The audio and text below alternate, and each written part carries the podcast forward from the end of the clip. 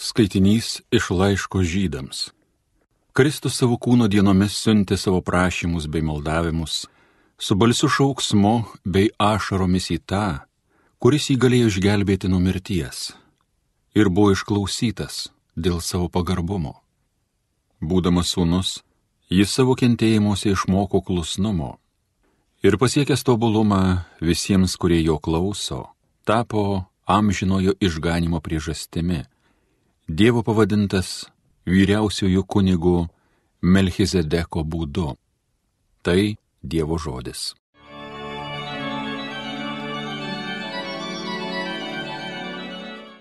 Viešpatie, gelbėk mane, esi gailestingas.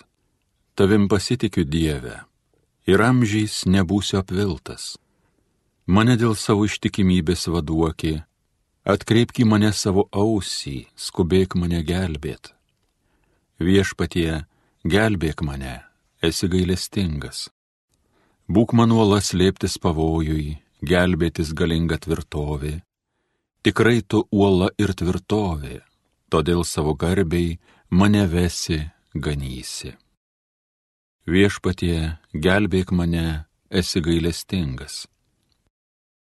Išpainiosi tu iš pinklių man priraizgytų, tugi esi mano tvirtybė į tavo rankas pavedu savo gyvybę, mane išvaduosi, Dieve ištikimasis. Viešpatie, gelbėk mane, esi gailestingas. Bet aš tavimi viešpatie kliaujus, sakau, tu man Dievas, tik tavo rankose mano likimas. Išgelbėk mane nuo priešų kėslų, nuo mano engėjų. Viešpatie, gelbėk mane, esi gailestingas O koks tu viešpatie geras, meilus visiems, kurie tavęs bijo, visiems, kurie tavim vilės, viešai žmonių būryje. Viešpatie, gelbėk mane, esi gailestingas. Alleluja, alleluja, alleluja. Laiminga mergelė Marija, ji ir nemirusi pelnė kankinystės palmę po viešpaties kryžiumu. Alleluja, alleluja, alleluja. Pasiklausykite Šventojios Evangelijos pagal Joną. Prie Jėzaus kryžiaus stovėjo jo motina, jo motinos sesuo, Marija Kliopienė ir Marija Magdalietė Pamatę stovinčius motiną ir mylimai mokinį, Jėzus tarė motinai, Moterie, štai tavo sunus. Paskui tarė mokiniui, štai tavo motina. Ir nuo tos valandos mokinys pasėmė ją pas save. Girdėjote viešpatie žodį.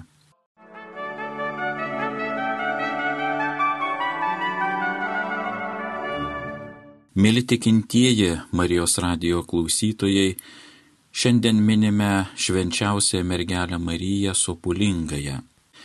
Mums tai aktualu, nes be to savo kasdienybės egzistencijos negalime išgyventi. Skausmas, liudesys, mirtis. Todėl pamastykime apie tai šios dienos Evangelijos kontekste. Evangelistas Jonas liudyja apie nukryžiavimą ir stovinčius prie kryžiaus. Kryžiaus papėdė yra vienintelė teisinga vieta kiekvienam iš mūsų pakrikštitajam, nes būtent gelbėtojo mirtyje ant kryžiaus įvyksta pasaulio išganimas ir mums visiems dovanojama gyvybė, net jei ir tai mums neteina į galvą. Pasaulis pilnas kančių ir paaiškinamų, o dažniau nepaaiškinamų Ir ši paslaptis negali nerūpėti žmogui. Mums tai sunku suprasti, todėl mūsų noras yra suprantamas pasislėpti nuo kančios, nuo jos nusigręžti, jei tai mūsų asmeniškai neliečia. Tačiau Evangelija mums sako, kad bet kokia tikra, neišgalvota žmonių kančia yra ypatinga Kristaus buvimo vieta. Tai jis kenčia kiekviename žmoguje ir būtent čia mes sutinkame jį. Evangelijos apskritai labai mažai pasakoja apie Dievo motinos gyvenimą, todėl tuo svarbesnės tos smulkmenos, kurios vis dėlto juose perteikiamos. Jauniausias iš mokinių Jonas, kurį mylėjo Jėzus, prisima ant savęs rūpesti Jėzaus motiną. Jėzus jos nepamiršta net ant kryžiaus ir paveda ją savo mylimam mokiniui. Tai turi grinai gyvenimišką prasme, juk moteris Izraelyje negalėjo išlaikyti savęs, jos buvo namų šeimininkėmis, o pragyvenimui pirmiausia uždirbdavo tėčiai, paskui jų vyrai ir galų gale jų sūnus. Mirus Jėzui, Marija neturi, kas jie pasirūpintų, ji neturėjo jokių santaupo, nes šventoji šeima visada gyveno skurdžiai. Todėl jiems abiems labai svarbus Jėzaus rūpestis jie paskutinėmis jo žemiškojo gyvenimo akimirkomis. Tačiau yra ir kita prasme. Kristaus sukurta bažnyčia yra pašaukta tęsti jo darbą, daryti viską, ką jis darė.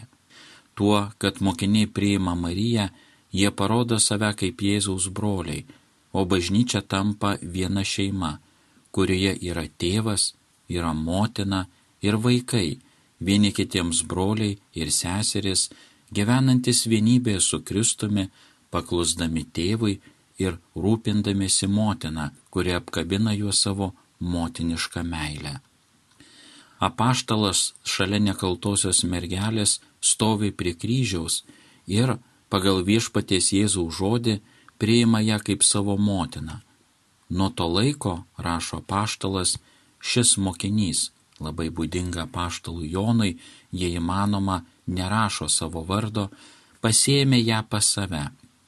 Daugelis krikščionių, daugiausia stačiatikių ir katalikų, yra įsitikinę, kad apaštalas Jonas tuo metu atstovauja visą bažnyčią, visų Kristaus mokinių kartas. Ta akimirka jis yra pirmasis iš mūsų, o jo asmenyje mes visi tampame Jėzaus broliais ir Marijos vaikais. Šis krikščionių įsitikinimas yra gilesnis, nei gali pasirodyti iš pirmo žvilgsnio. Faktas yra tas, kad Naujajame testamente mūsų ryšys su viešpačiu Jėzumi iš tiesų gali būti toks tiesioginis, betarpiškas ir stiprus, kad jo šeima tampa mūsų šeima. Baigdama savo Evangeliją, apaštalas Jonas, jau senas žmogus, sako apie save, savo gyvenimo liudijimu ir Kristaus Evangeliją. Šitas mokinys tai liudija ir jo liudijimas yra tikras. Taigi visas apaštalo gyvenimas yra Dievo Sūnaus kryžiaus meilės liudijimas. Ir tai ne tik asmeninis Jono, Zebedėjaus Sūnaus biografijos faktas, bet ir kelias kiekvienam krikščioniui. Šiomis svarbomis ir raktinėmis akimirkomis - stovėjimas prie kryžiaus, Marijos pasiemimas pas save ir liudijimas apie Jėzų - apaštalas Jonas įkūnyja visą bažnyčią kai Petras įkūnyja ją sėkminių dienos pamokslę, kaip kiekvienas iš mūsų ją įesmenina, kuomet vykdo Dievo valią. Marijos liudesys, bet nemurmėjimas, sielvartas, bet neverksmas, ašaros, bet ne isterija. Kalavijas perverė jos sielą pagal Simeono pranašystę, tačiau motino širdis ir toliau gyvena meilę sūnui ir visiems sunums, kuriuos jis jai patikėjo. Nesinori sakyti daugiau žodžių, tiesiog tyliai nusilenkti prieš karališkąją meilės galę. Amen.